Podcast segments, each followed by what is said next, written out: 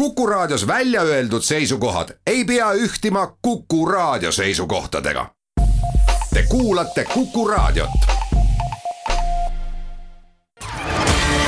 majandusruum. tere, head Kuku Raadio kuulajad, eetris Majandusruum, stuudios ajakirjanikud Janno Riispa ja Toomas Randlo räägime tänases saates pisut äh, toornafta maailmaturuhindadest ja siis selle mõjust äh, võib-olla Eesti tarbijale. samuti arutame, millised mõjud võiksid olla nelja päeva pikkusel töönädalal ja teeme juttu siis ka reisimisest koroonapandeemia ajal. saate teises pooles on külas Tallinna Sadama juht Valdo Kalm, kellega räägime siis ettevõtte siis käekäigust sellel aastal Äh, Hispaanias algab siis peagi eksperiment, mille käigus uuritakse äh, paarisaja ettevõtte näitel äh, ja kolme aasta jooksul siis lühendatud töönädala mõju siis inimeste heaolule ja tootlikkusele et äh, mida sa sellest arvad, et, et neid äh, eksperimente vist on varemgi tehtud, aga et esmapilgul vist tundub, et äh, kes meist ei tahaks nii-öelda reedet vabaks saada?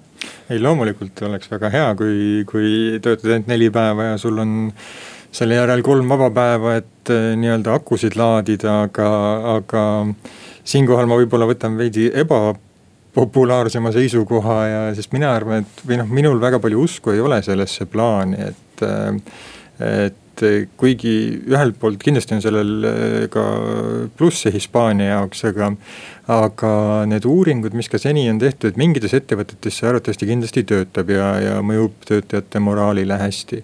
küll aga ma mõtlen siin, eh, mis puudutab töötajate produktiivsust, siis äh, kui töötajad on harju, harjunud viiepäevase töönädalaga ja viia nad üle nelja päeva peale, siis kindlasti alguses äh, töötajate produktiivsus suureneb, sest nad teevad oma noh, nad tahavad oma selle viie päeva töö ikkagi äh, võimalusel nelja päevaga ära teha, ehk siis nad teevad võib-olla rohkem tööd, kui nad teeksid äh, viiepäevase töönädalaga.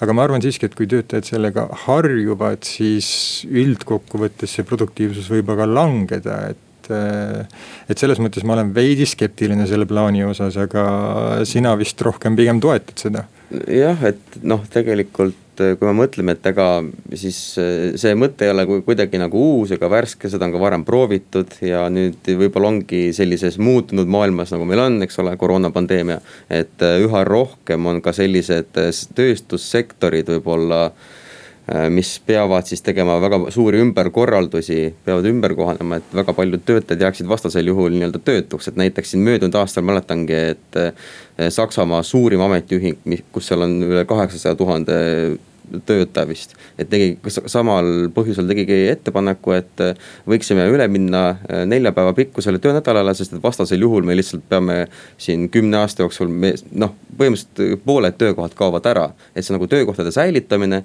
ja noh, teisest vaatest, kui me mõtleme, et ikkagi üha rohkem automatiseeritakse ja digitaliseeritakse, et siis äh, sellega seonduvalt paratamatult noh, et kas lõpuks ongi siis niimoodi, et robotid teevad piltlikult öeldes kogu töö ära, aga, aga inimesed siis neil nagu kuidagi ei leidugi mingit kasutust ja see on kindlasti, see on suur pluss, äh, et see aitab, noh nagu sa näite tõid, see aitab töökohti hoida ja, ja. ja kindlasti ma näen seda plussi siin ka Hispaania jaoks, et äh, et noh, kõigepealt, kuidas nad seda eksperimenti teevad, see on väga mõistlik, et äh, riik toetab seal viiekümne miljoniga ettevõtteid, mis seda katsetavad ja just selleks, et neid riske vähendada aga millega Hispaania on pikka aega vaevelnud, on see, et nende on suur töötus noorte seas. Ja noortel on kohati keeruline tööturule siseneda. seega, kui sa kärbid töönädala nelja päeva peale, siis ettevõtted peavad äh, suure tõenäosusega endale töötajaid juurde palkama.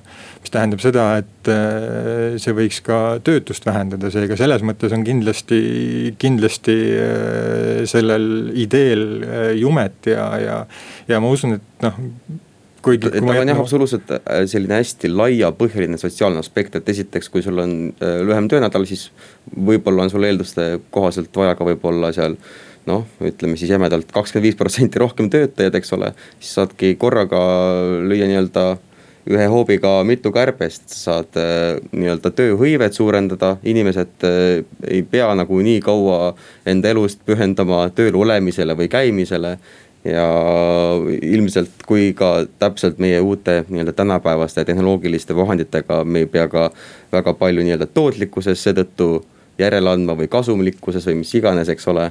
et eh, siis ju ei, ei näe põhjust, et miks see plaan ei võiks toimida. ja absoluutselt, kuigi ma noh, ma, ma olen veidi skeptiline selles osas, aga ma arvan, et sellel on kindlasti plusse, mis võivad äh, Äh, Hispaania, võib-olla tulevikus katsetatakse ka teistes riikides ja, ja miks mitte kunagi Eestis, et, et see võib kindlasti äh, mingit kasu tuua, aga samas jällegi. kui me võtame töökohad, kus inimesed töötavad graafiku alusel, siis ma ei ole kindel, kui, kui palju need inimesed sellest võidavad, et äh, kui sa pead nagunii ka nädalavahetusel töötama, et okei okay,, sa saad äh, endale selle kolm vaba päeva nädalas ikkagi, aga, aga kindlasti see muutus pigem töötab paremini neile, kes muidu töötavad esmaspäevast reedeni, et siis nad töötavad esmaspäevast neljapäevani või, või teisipäevast reedeni on ju, et olenevalt, kuidas seal seda plaanitakse teha, aga, aga jah, ma kardan, et siin võib-olla äh, graafiku järgi töötajad on need, kes äh,, kes võib-olla veidi kaotavad sellega või ei saa kõiki neid hüvesid nautida nii-öelda jah, Eestis vist ainukesena ongi Kalev seda süsteemi kuidagi juurutanud, olen ma õigesti aru saanud? ja vist küll jah, et ma ei välista muidugi, et siin on ka teised ettevõtted seda katsetanud ja, ja et noh, selles mõttes, et vabalt mõni ettevõte võib seda siseselt nagu proovida, et vaadata, kas see ka töötab, aga, aga jah. ega vist väga palju suuremaid, suuremaid ettevõtete näiteid ja, ja pikema perioodi osal vist ei ole jah, et see oli, seal oli see juba aktuaalne kõvasti enne koroonapandeemiat, et praegu meil tulebki, eks ole, töö väga palju, noh, kellel on võimalus kaugtööd teha, siis tuleb, eks ole, sulle koju kätte ja ta ei lõpe võib-olla mõne, mõnel puhul mitte kunagi otsa, eks ole. et siis saabki võib-olla sellised teatud piirangud panna, et, et kui siin ikkagi suured pangandusgrupid juba teevad ikkagi nii-öelda sisuliselt sunnivad, et reedeti sa ei tohi mingi Zoom'i ega Teams'i äh, koosolekuid teha ja. ja ütled enda praktikantidele, et laupäeval te ei tohi jumala eest nagu mitte midagi teha, et siis see noh, et see on, varem on kõlanud nagu sellised justkui Jaapani ühiskonnale omased probleemid, et inimesed töötavad liiga palju, et. et ja nüüd peab ka nagu läänes üha rohkem seda võib-olla kuidagi hakkama tagant forsseerima, et siis inimesed eh, hoogu peaksid see on kindlasti jah, järjekordne eh, mõistlik argument, et eh, paratamatult, kui sa, kui sa kodus töötad, siis see ütleme töökohtade puhul, kus sul saab pastakas täpselt kell viis kukkuda, et seal kodus töötades kuidagi see kõik sulandub kokku ja, ja, ja ja see vaba aeg seal väheneb ka ja inimene võib-olla märkama, see on märkamatultki teeb pikemaid tööpäevi, et, et seal osas kindlasti see aitab rohkem reguleerida seda jah, et eks me siis saa ka õppida siin ilmselt eh, kolme aasta pärast saame siis teada, mis need Hispaania sellise eksperimendi tulemused olla võivad. aga teeme siin lühikese pausi. majandusruum jätkame saatega, stuudios ajakirjanikud Janno Rispap ja Toomas Randlo. Äh, Tallinna lennujaam on teatanud siis, et äh, avab kakskümmend kaks äh, sihtkohta ja suvel vist saab otse lennata siis kokku kahekümne seitsmesse sihtkohta. et kui me nüüd mõtleme meie koroona olukorrale ja erinevatele piirangutele siis tekibki küsimus, et kes ja miks praegusel ajal üldse reisib. ma saan aru, et äh, reisibürood vist ise ka ikkagi pakuvad äh, nii-öelda päikese alla ja soojale maale võimalusi eks äh, inimestel ikkagi lootus on jah alles, et, et saaks ikkagi reisida, sest pandeemiast on tekkinud ka väsimus ja, ja samal ajal ohutunne ka kaob, et, et selles osas ma vaatasin siin ka statistikat, see on küll nagu laiemalt ka Euroopa puhul, et. et inimesed küll broneerivad või plaanivad reise suveks rohkem kui eelmisel aastal, et võib arvata, et, et sel suvel reisitakse rohkem. aga, aga kindlasti jääb see kaugele sellest, milline oli see pandeemia eelsel tasemel. Et praegusel hetkel, kui me vaatame neid numbreid, kasvõi kõigepealt see, mis meil Eestis on, meil on Eestis väga raske ju olukord äh, nakatumise poolest ja. ja äh, Euroopa riikides, kus tundus, et äh, hakkavad numbrid alla minema, on need uuesti tõusule pööranud erinevate kergemini levivate koroonatüvede tõttu, et et siin olukord on jube keeruline, et et. Äh, jah, et Euroopa Komisjon ju tegelikult on tulnud välja ka selle siis vaktsineerimispassi ideega, eks ole, et siis äh, et ma, ma usun ka, et seal ilmselt see täpselt see lõunapoolsete nii-öelda Euroopa Liidu liikmesriikide võib-olla selline surve natuke suurem, sest et nad on ikkagi turismist üsna tugevasti nagu sõltuvad. ja nad ilmselt püüavadki nuputada viise, kuidas, eks ole, ohutult ja nii-öelda, kuidas ohutult reisida ja siin Kreeka ja Küpros tegid juba otse lahti sellega, et eh, noh, nagu me teame, siis Iisrael on vaktsineerimisega maailmas esirinnas, siis eh, eh, Küpros ja Kreeka võtavad juba vastu Iisraeli turiste. ja, ja noh, kindlasti ma arvan, et suvel võib, võib eeldada, et et äh, inimesed, kellel on, kes on vaktsineeritud juba või kes on äh, koroonaviiruse hiljuti läbi põdenud, et äh, nendel on reisimine kergem aga noh, siin teine küsimus on muidugi see, et kui sa lähed sinna ka soojale maale palmi alla, aga seal on piirangud peal ja ma ei tea, baarid on kinni ja, ja kasvõi liikumispiirangud tänaval on ju, et. et siis ega, ega ei olegi midagi muud teha, kui seal kuskil rannas päevitada, et. aga noh, muidugi jällegi noh, kui siin äh, rääkida, et milline seis on Eestis, siis ega ja rääkida üldiselt koroona ohust, siis ega kuna Eestis on olukord nii halb, siis eestlasel suvel reisida kuskile mujale tähendab seda, et ta tõenäoliselt läheb ohutumasse piirkonda kui, kui praegu on ju. Jah, ja muidugi siin, eks ole, reisimisel või üldse sellisel, ütleme siis lendamisel või liikumisel on ka see vahe ju, et ega tingimata ei peagi minema, eks ole nii-öelda puhkusereisile, sa võidki minna kuskile nii-öelda, oled selline, saadki teha kaugtööd kuskilt, kuskil oled IT-sektoris tööl, siis sa lendadki kuskile meeldivamasse turvalisemasse kohta sisuliselt. ja saad väga rahulikult sealt oma asjad ära ajada mm. -hmm. see on kindlasti noh, jälle järjekordne pandeemia üks väheseid plusse on see, et äh, inimestel on võimalus, mitte kõigil muidugi, aga, aga.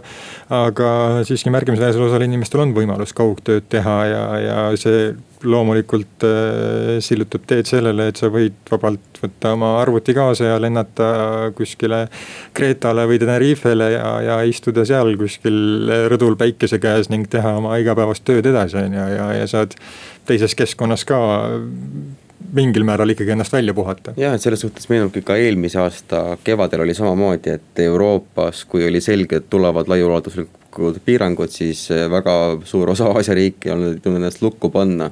ja siis sealt tuli nii-öelda neid siis nii-öelda koroonapõgenikke ikka päris palju. ja noh, loomulikult inimeste liikumisega paratamatult seal ka nakatumiste arvud kasvasid ja seetõttu siis hakkasid ka, hakkas ka üle maailma vähe rohkem riike kinni minema just, et see paraku negatiivne on, aga noh, sellepärast ongi, et siis praegu, kui meil on vaktsiin olemas ja vaktsineeritud inimesed, kui liiguvad ringi suvel, siis noh, vähemalt saab loota, et seda viiruse levitamist üle riigipiiride on loodetavasti vähem. jah, et, et siin ma, ma isegi ei oska öelda, kas välisministeeriumil praegu on mingisugused teatud soovitused ka, et noh, et kui kellelgi on plaanis kuskile reisima hakata sellisel ajal, siis kindlasti tasub vaadata, et siin olla kursis siis nii sellega, et eh, kuidas üldse, mis tingimustel riiki lastakse ja ka seda, et kuidas noh, pärast, kus sealt üldse koju tagasi saab, et mis tingimustel siin karantiini peab jääma ja nii edasi no ega pigem tegelikult Eesti puhul noh, pigem siiski on saadetud ka Eesti inimestele sõnum, et äh, pigem ainult hädavajalikel juhtudel reisida. jah, et no, selline praegusel... vältimatutel juhtudel tõesti, et, äh, et praegu võib-olla ei ole, ei ole väga, et kui vaadata jah, et meil siin, kui mõne päeva pärast täitub sada tuhat nakatunut, siis mm -hmm. see on ikkagi isegi ka selline psühholoogiliselt üsna, üsna suur number aga samal ajal ähm, maailmas äh, naftaturul jälle natukene toimunud liikumisi, et siin äh, väga suures täpselt arvati, et vaktsineerimisega see viiruse olukord kõvasti paraneb, jällegi turgudel oli suur optimism ja põhimõtteliselt nafta hinnad saavutasid siin viimase paari aasta kõrgema taseme, oli siin seitsekümmend dollarit isegi oli Brent mingi aeg ja rohkemgi nüüd ta on jälle natukene nagu alla tulnud ja ilmselt lihtsal tarbijal tekib küsimus, et et eh, kui nüüd nafta hind langeb, siis millegipärast meil nüüd tanklased postihinnad ei taha väga liikuda, aga hinnatõusu, nafta hinna tõusu korral, et siis kuidagi leitakse nagu viis, et oled sa ka nagu pisut uurinud seda asja, et mis, mis asja need nii-öelda siis jaemüüjad ajavad? Siin äh, ilmselt saab ikka seda vana nalja korrata, et äh, jääb mulje, et Eesti tanklad täidavad oma paagid siis ära, kui, kui kütus on kallis ja, ja siis, kui kütuse hind langeb, siis on ikka paagid nii täis, et odavat kütust ei saa osta ja. ja, siis ostatakse jälle, kui, kui kalliks läheb, aga ei, tegelikult siin noh ma arvan, et ega kui siin küsida kütusemüüjate käest, siis saab äh, varrukast igasuguseid äh, vabandusi kuulda, et miks need kütusehinnad kõrged on, aga, aga noh no muidugi eh, siin tuleb ka täpsustada, eks ole, et ega, ega me toornaftat, eks ole, ei tangi paaki, et mm, -hmm, et jah. need ei ole ka päris, need eh, sõltuvad ikkagi siis diisli ja bensiini maailmaturu hindadest, mis võib-olla ka täpselt ühte jalga alati ei käi, et võib-olla mingisugused viited seal sees ja, ja mis iganes aga noh, sellegipoolest ikkagi noh, eks ta tugevalt mõjutab. et eh, aga jah, siin tekibki küsimus, et kui meil on näiteks diisliaktsiisi vähendati siin veerandi võrra eelmisel kevadel ja praegu on ikkagi aasta tagusega võrreldes siis eh, kõrgem. Eh, aasta tagusega võrreldes on sisuliselt diislid nagu tunduvalt eh, kõrgem, et siis nagu tekibki küsimus, et kas siis on diisli maailmaturu hinnad niivõrd palju tõusnud võrreldes mingite muude toodetega, et või milles see asi on? nojah, siin pandeemia alguses ju nagu me mäletame aasta tagasi hinnad maailmaturul ju kukkusid ka päris palju, et äh, ja siis sellega hinnalangusi ju peataski OPEC sellega, et, äh, et hakkas või kärpis tootmist ja, ja, ja noh, nüüd ongi, nad ootavad, kuni need hinnad jälle kõrgeks lähevad ja, ja eks siis, kui nõudlus kasvab, siis nad hakkavad ka tootmist suurendama ja, ja noh. ehk siis see lõpuks kajastub ka sellega, et meil äh, bensiinijaamades hinnad langevad. jah, et äh, väga poliitiline see naftaturg on, et seal saudid ja venelased lepivad kokku, aga kuulame meie vahepeal uudiseid, teeme väikese pausi ja pärast seda on meil külas äh, Tallinna Sadama juht Valdo Kalm. majandusruum jätkame saatega stuudios ajakirjanikud Janno Riispap ja Toomas Randlo ja meil on külas Tallinna Sadama juht Valdo Kolm, tere. tere päevast. Äh, no me siin enne pausi rääkisime pisut äh, reisimisest, et tänavu siis Tallinna Sadamal valmib ka äh, uus kruiisiterminal, et kas see nüüd leiab sel aastal kasutust ka, et on tänavu kruiisituriste oodata? tõepoolest, meil on plaan ta avada juunis, juulis, olenevalt nüüd kuidas laevad käima hakkavad, ka sõltub sellest, aga meie ootus on, et ikkagi just nimelt suve teises pooles me siin saaksime laevu vastu võtta. ütleme ausalt, praegu käivad päris tihedad konsultatsioonid erinevate kruiisifirmadega. Nad on ju ise väga huvitatud, kui te mõtlete, millised millised eh, investeeringud on nemad teinud ja kui kallid on need laevad ja on, on tehtud palju uusi laevu viimasel eh, viiel aastal, dekaadil, siis loomulikult nad tahaksid eh, liikuda. ja me usume tegelikult, et, et niisugune laeva reisimine kindlasti taastub kiiremini kui lennukitega reisimine, sest lihtsalt hajutada on võimalik, on võimalik jälgida laeval reegleid ja mida nüüd võimaldab meie uus kruiisiterminal on, et, et, et me ka seal saame väga hästi teostada, kui on isegi näiteks mitu laeva korraga sees eh, teste, vajadusel vaktsineerimise, vajadusel isoleerimise, et see kruiisiterminal nüüd võimaldab tegelikult väga hästi võtta neid vastu, külalisi. ehk me nimetame ennast niisuguseks turvasadamaks, nii et konsultatsioonid käivad ja loodame, et eh, suve teisel poolel laevad tulevad mm. -hmm. et eelmisel aastal jäi kruiisihooaeg sisuliselt vahele, et aasta enne seda oli vist rekordiline hulk, et kuussada kuuskümmend tuhat äh, inimest teenindati, et äh, oskate spekuleerida, et millal võiks selline pandeemiaeelne tase nüüd uuesti taastuda? jah, see on väga raske küsimus ja eks meil sahtlis on ka mitu stsenaariumit nagu, nagu äris ikka tehakse, plan A, B ja, ja, ja ka C, eks ole. siis eh, eks ta nüüd eh, võtab sellele tasemele paar aastat vast ikka aega kuni eh, mingisugune kindlustunne tekib, aga nagu ma ütlesin, ma usun, et, et see taastub kiiremini kui lennundus. just tänu nendele võimalustele, laev on suur, siin terminal on suur, kõike saab hajutada. nii et äh, elame-näeme, aga ma arvan, et tegelikult kruiis on näidanud väga head sellist trendi viimased aastad, et nagu klientide ootus seda mudelit kasutada. Ja mitte ainult vanemate inimeste seas, on tegelikult väga kõrge.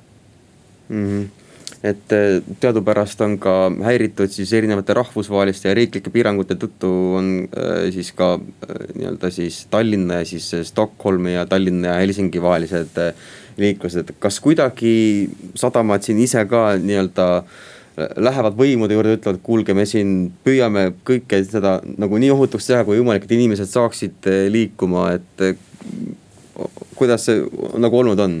see on tegelikult noh, eelmine kevad äh, näitas seda meie head koostööd. Esiteks operaatorfirmadega, me tegime ühist koostööd ja, ja ka valitsuse suunal näitasime, mida suudab sadam teha, mis, äh, milliseid meetmeid saavad operaatorid võtta kasutusele, ehk selles suhtes loomulikult on see koostöö. ja siis me arutame, meil on väga head suhted, noh, ma toon näiteks Helsingi sadamaga. Me arutame ka nende juhtkonnaga, kuidas selles olukorras käituda, vahetasime kriisi ajal kevadel, eelmine kevad, nüüd hiljuti oli meil eh, kahe juhtkonna vaheline virtuaalne koosolek, et loomulikult me vahetame seda infi, infot ja, ja noh, proovime proovime seda motiveerida ja, ja loomulikult teha seda siis sellisel moel, et see on, on võimalikult turvaline. Kui me siin äh, laiemalt räägime kruiisiturismist, siis äh, noh, kruiisiturism on saanud väga palju kriitikat selles mõttes, et äh, need kruiisituristid tulevad nagu korraks linna ja, ja ostavad võib-olla tassi kohvi ja siis lähevad uuesti minema, et nad väga palju kasu ei too, et. et sellepärast on ka kriitilisemad hääled siin öelnud, et kruiisiturism võiks üldse mitte tagasi tulla. aga kas teie arvate, et kruiisiturism siiski taastub samasugusel kujul, et, et enne küll ütlesite, et te arvate, et paari aasta jooksul võiks. aga kas ta ikka jätkab samasugusel kujul või on tegemist siiski pigem asjaga, mis äh, kaugemas tulevikus võiks äh, välja surra? ma arvan, et, et ta välja vast ei sure, aga reisimise mudelid muutuvad ja tõepoolest, kui te vaatate tänast vanalinna ja jalutate seal ringi, siis see on päris, päris kurb vaatepilt, et nii, nii mõnedki tõdevad, et ikkagi turiste võiks ka olla. ehk, ehk äh, ta lihtsalt nagu eh, sureb välja, lisaks seal on ka renditulud eh,, kohvikud eh,, poed, eks ole, kes ikkagi turistidega, kruiisituristide pealt teenisid päris palju, see on üks pool. teine pool on see, et me tegelikult juba enne pandeemiat alustasime koostööd Eesti äh, äh, Kunstiakadeemiaga ja ka äh, linnaga ja hakkasime välja töötama meetmeid, kuidas paremini just kruiisituriste hajutada. kuidas luua uued teekonnad ja need tööd on meil nüüd just kõik laua peal, et on see aasta on andnud nüüd võimaluse sellega töötada, nii et ma arvan, me nende ideedega tuleme kindlasti välja ja viime neist ka osaliselt ellu nii et, et tegelikult me mõtlesime selle peale juba varem, et mitte enam üle rahvastada vanalinna üksi, vaid siin on väga palju vaatamisväärsust, mitte ainult Tallinnas. vaid võib suunata ka neid Lahemaale ja neid on ka suunatud kruiisituriste Lahemaale ja meie loodusse nii-öelda. nii et on olemas meil väga hea koostöö ja see kestab eh, EKA-ga, kus me siis leiame lahendusi mm. -hmm. et ja ka Saaremaa on, eks ole kus saab nii-öelda äh, turiste suunata. absoluutselt, Saaremaal on meil väike kruiisisadam, noh vaatame, kuidas see taastub, tõesti väga raske on öelda, mis saab sel ja järgmisel aastal, aga, aga me jälgime ja loomulikult võtame külalised vastu, kui nad tulevad. Et kui siin äh, rääkida veel äh, reisimisest äh, Tallinn-Helsingi ja Tallinn-Stockholmi vahel, et kui me noh, räägime, räägime siin pandeemiast ja, ja vaktsineerimisest, et. et kui ühel hetkel peaksid need piirangud reisimise vahel ära kaduma ja, ja on, lubatakse vaktsineeritud inimesi vabalt reisima, et. kas te ootate, et seal võiks järsku selline plahvatuslik kasv toimuda selles osas, kui palju eest-, et eestlased tahavad minna jälle Soome ja, ja, ja Rootsi? ma arvan, et mis puudutab Soomet, siis me oleme ju sugulusrahvad. Ma tegelikult arvan, et, et äh, kas seda nimetada plahvatuseks, aga, aga see võib olla kiire taastumine küll. võib-olla isegi väga kiire.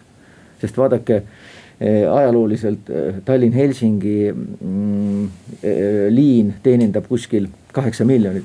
see on juba Euroopa mõistes, ta on isegi maailma mõistes üks, üks, üks suuremaid suurema laevaliiklusega ja reisijate liiklusega liine, nii et ma arvan, et meie soov eestlaste soov käia sõprade juures, aga siin on ka ärilisi suhteid väga palju Soomega. pluss töö, eks ole, tööränne, et see, ma arvan, taastub väga kiiresti. Rootsiga ma oleks veidi tagasihoidlikum.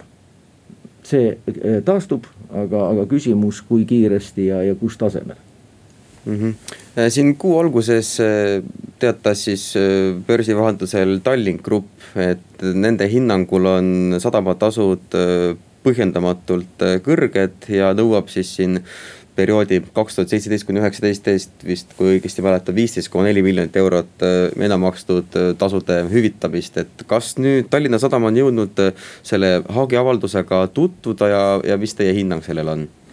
jah, kahjuks peab ütlema, et ega väga palju uut lisada ei ole, kui me ka börsi vahendusel ütlesime, et hagi ei ole näinud siiani. ma ei tea, mis põhjusel, aga saame jah, lihtsalt korrata sedasama, eks ole, et me peame seda põhjendamatuks ja, ja natuke kahetsusväärseks, meil on olnud väga, väga hea koostöö tegelikult pikaajaline. me oleme teinud suuri investeeringuid eriti just Tallingi alal, ehk see on teeterminal, kõik see liikluslahendus, Reidi tee, et tegelikult ehm, kuidas sa seal siis väga drastiliselt hinda alla lased, kui sa oled just nee, sellel perioodil väga kõvasti eh, investeerinud. nii et ehm, ütlen, ütlen nii, et, et meil eh, hinnastamine on strateegiliselt eh, paigas pikaajaliselt ja, ja me tahaksime ja tahame kindlalt oma positsiooni kaitsta selles küsimuses mm. -hmm. et muidugi teised laevaoperaatorid ka pisut nagu aktiveerusid selle peale ja kohe ütlesid ka, et nende hinnangul on, tundub ka kallis, et seal Eckerö Line'i finantsosakond mm -hmm. ja ka Viking Line isegi vist ei välistanud, et võib-olla liituvad kuidagi selle äh, hagiavaldusega, eks ole. et äh, kas siis tundub, et ikkagi mingisugune tõepõhi sellel jutul justkui oleks all nojah, kui niimoodi küsida, et kas on kallis, loomulikult, kui nende vahel on konkurents tihe ja seal on tihe konkurents, me mõistame seda kõigi kolme operaatori vahel. et siis loomulikult nad võivad sellise indikatsiooni anda, aga, aga mingisuguseid konkreetseid samme pole siia astutud, isegi ei ole mingeid konsultatsioone peetud, ma pean silmas nüüd Vikingi ja Ekeroline'iga ja, ja loomulikult, ega me oleme investeerinud ka, ka nende eh, liikluslahendusse, planeerime eh, ühel hetkel A-terminali renoveerimist ja loomulikult ka A-terminali esist tramm tuleb sinna, nii et noh, selles mõttes me oleme ikkagi sellises arengukursis ja, ja loodame heale koostööle nendega ja, ja tuleviku reisijate kasvule oskate öelda, et mida see võib-olla äh, selles suhtes aktsionäridele see võimalik äh, kohtuvaidlus siis tähendab, et kas siin audiitor on käskinud võib-olla selle viisteist miljonit eurot nii-öelda vaidluse ajaks kõrvale panna, et rahavood või dividendid sellest kuidagi ei ole mõjutatud? ei ole ja me peame seda küllaltki perspektiivituks. ehk eh, esiteks see vaidlus, vaidlus nüüd Tallingiga, kui ta, kui ta läheb töösse. Tuleb väga pikaajaline, me räägime aastatest, see on väga keeruline vaidlus. ütleme, sadamad on väga erinevad ja, ja Tallink toob välja sinna sellise ostujõuindeksi, et de facto ma tahan öelda, et tegelikult meie sadamatasud on absoluutarvus väiksemad kui Helsingis ja ja Stockholmis Tallink väidab, et nad on liiga vähe madalamad. et noh, sellised vaidlused, kuidas sa neid võrdlusi teed, on pikaajalised ja, ja me tõesti mingeid reserve ei, ei, ei ole loonud sest me tunneme selles küsimuses ennast üsna kindlalt. Mm.. teeme siit väikese pausi, jätkame pärast seda. majandusruum jätkame saatega stuudios ajakirjanikud Janno Riispap ja Toomas Randlo ja äh, külas ka Tallinna Sadama juht Valdo Kalm. no enne pausi rääkisime siin pisut äh, reisijate veoga seonduvast, et äh, Tallinna Sadam, kui ma nüüd ei eksi, siis möödunud aastal oli Läänemere piirkonnas üks kahest, kes suutis oma kaubamahtusid kasvatada. kuidas see õnnestus? Me oleme tõsises konkurentsis äh, Läänemere sadamatega äh, kaubaäri mõttes. Neid sadamad on ligi kolmkümmend, kellega tuleb konkureerida ja lähisadamad, kellega, kes on meie kõige suuremad konkurendid, on siis äh, siin loomulikult Baltikumi, aga ka natuke Skandinaavia sadamad. nii et konkurents on tihe, aga meil tõesti õnnestus väga palju see tänu vedellasti kasvule, aga ka hea on ära nimetada, et see ro-ro ehk eh, veokid, veokite sabad tegi kasvu. ja ülejäänud eh, samuti näitasid niisuguseid stabiilseid numbreid, nii et selles mõttes jah, absoluutnumbri eh, mõttes kasvasime meie kõigist nendest kolmekümnest sadamast kõige rohkem ja, ja teine kasv oli Gdynia see on siis Poola, Poola sadam, eks ole. ja seal põhiliselt rohkem nagu puistlasti äh, kasv oli see, mis, mis tegi selle numbri. et me oleme selle jah, tulemusega rahul. tahaks eriti kiita siin meie vedellasti operaatoreid, kes leidsid äh, uusi kliente ja, ja oskasid ära kasutada siis eh, seda, seda olukorda, nii et eh, selline hea, hea, hea koostöö loomulikult operaatoritega mm. -hmm. ma saan aru, et ikkagi siis selline möödunud aasta väga turbulentne toornaftaturg oli eh, selleks nii-öelda põhjustajaks, et siis nii tootjad kui ka kauplejad otsisid siis Contango olukorras, et mingisugust ladustamise kohta, et ootaks nii-öelda paremat hinda seal kuskil püttides. et ma saan aru, et kas, kas selline nii-öelda trend on jätkumas ka või pigem on see ikkagi ei ole enam nagu nii volatiilne, see turg? E, jah, see Contango oli rohkem esimesel poolaastal, kus sa tahad äh, ladustada, aga nafta hind hakkas tõusma, eks ole, ja siis loomulikult äh, tekkis ka muud liikumist ja Tallinna puhul on, on see, Tallinna Sadama puhul, et meie kõik, kõik operaatorid, eh, siis Livaton, Alexela, Vesta ja meil on ka väiksemaid operaatoreid. Neil on küllaltki nii-öelda intelligentsed terminalid, mis võimaldavad segamist luua nišitooteid. nii et see on minu arust meie tugevus nii Muugal kui Paldiskis, et meil on mõnes mõttes niisugused terminaltehased ja, ja see soodustab ka liikumist, nii et ei ole ainult ladustamine ja see praegune trend ei ole enam ladustamine, vaid on ikkagi liikumine ja uute lisaväärtus äh, vedellasti tootmine isegi. nii et selles mõttes äh, see, äh, see on palju intelligentsem toimetamine kui lihtsalt ladustamine, mida näiteks siin Rootsi sadamates tehakse väga odavalt, lihtsalt ladustatakse. Siis meil on väga palju sellist Eh, multifunktsionaalsus seal ja niši võimalusi. Mm -hmm.. okei okay et äh, ma saan aru, et võrreldes siis lõunanaabritega on üsna kenasti läinud näiteks, et äh, väga palju on juttu olnud sellest, et äh, noh, Läti sadamatel, eks ole, on seal ka poliitilised probleemid, eks ole. lisaks sellele neil üha vähem on sellist Vene strateegilist kaupa, kivisöeveod seal vist lõppesid ära, et kas kuidagi siin Tallinna sadamal on ka mingisuguseid võimalusi selles valguses? ja me võib-olla selles mõttes oleme mitmekülgselt äh, iga suunaga tegelenud. meil on väga-väga oluline jätkuvalt ja meil on jätkuvalt äh, meie kaubamahust Venemaaga seotud kuskil kolmkümmend protsenti. aga me töötame väga tihedalt ka Valgevenega äh,, töötame äh, Ukrainaga ja loomulikult püüame igati Skandinaaviat teenindada, ehk, ehk avame seda Eh, lõuna-põhja koridori, et me peame ennast üha, üha tugevamaks just kogu Skandinaavia impordi-ekspordi vahendajana ehk niisuguse multimodaalse hub'ina. nii et eh, töötame kõikide suundadega, alati on võimalusi, nii idas kui läänes. aga ma arvan, et praeguses olukorras jah, ongi hea, kui, kui see esiteks lastiliigid on jaotatud, et sa ei ole liiga seotud äh, vedellastiga, nagu oli aastaid tagasi. me olime liiga seotud mm -hmm. ühe lastiliigiga ja liiga palju Venemaaga. nüüd on see jaotunud, me proovime kõigiga teha koostööd, eks ole, ja teine tähtis asi on, et ega teha koostööd kogu ahelaga, et siin on raudteel oluline roll autovedajatel, et kogu logistikaahel toimiks jah, et äh, nüüd Eesti Raudteel asus ka uus juht ametisse, kes äh, ütles ka, et talle siis on nii-öelda omaniku ootus seotud, et ikkagi püüaks sealt ida poolt äh, siis nii-öelda transiiti tuua siia meie infrastruktuurile. et olgu ta siis kas Hiinast või mujalt Aasiast. et kas praegu esimesed kuud, ma saan aru, on näidanud, et seal kaubamahud raudteel on ka päris kõvasti nii-öelda suurenenud, et tunnetate ise ka seda? ja need, need mahud tulevad nüüd rohkem Valgevenest aga me töötame ka loomulikult Vene suunal ja kui te küsite jah, et seal Venemaa taga on ka Hiina, siis meie töötame ka äh, Hiina suunal ja meil oli eelmine nädal just kaks päris pikka kohtumist äh, uue raudteejuhiga. Äh, tunneme üksteist ka isiklikult varasemalt ja pikka aega, et me saame vabalt rääkida, meil on väga ühine nägemus ja proovime just nimelt Eesti Raudteega ja siis äh, loodetavasti ka operaatori, äh, operaator on ka väga oluline ehk Operail, kes seal veab, teha head koostööd. veel kord ütlen, äh, ida suunas ehk, ehk seal taga näeme Hiinat, Kasahstani, siis kindlasti lõuna suunas tahaks koostöös enne Rail Balticut käivitada juba lõunarongi mis soojendab nii-öelda Rail Balticut ette ja mitte vähetähtis pole Eesti-sisene vedu Tartust tuleb meile väga palju kaupa, konkreetselt Muugal, eks ole. ja see võiks palju rohkem veel rongi peale tulla, see Eesti-sisene kaup mm. -hmm.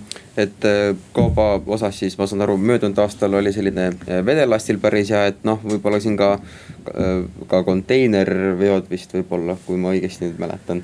et oskate öelda, mil-, kus võib-olla oleks sellist potentsiaali nagu tugevalt kasvada või pigem ikkagi hajutab riske nii palju kui võimalik ma arvan, et see strateegia, et nii nagu meie ärivaldkonnad on neli ärivaldkonda sadamas tervikuna, et see hajutab öö, meie ärivaldkondade vahel, nii kaubaäris ka, mida mitmekülgsem on sinu kaubasadam, seda parem. E, aga potentsiaali näeme tõesti, näeme e, jätkuvalt vedellastis, noh, ma ei saa väga palju kommenteerida, aga võin öelda, et see esimese kahe kuu trend on jätkuvalt hea näeme nendes riikides, milles me rääkisime aga kindlasti näeme tulevikus rohkem konteineri võimalusi. ja Rail Baltica on üks nendest projektidest, mis tulevikus seda väga-väga toetab. et just nimelt teenindada põhja-lõunasuunalist koridori, need on enamus konteinerid, aga sinna saab tõsta ka nii-öelda auto järelkärud peale. nii et ja. see on kasvav okei okay. äh,, aitäh, meil oli külas Tallinna Sadama juht äh, Valdo Kalm, stuudios olid ajakirjanikud Janno Riispap ja Toomas Randlo. majandusruum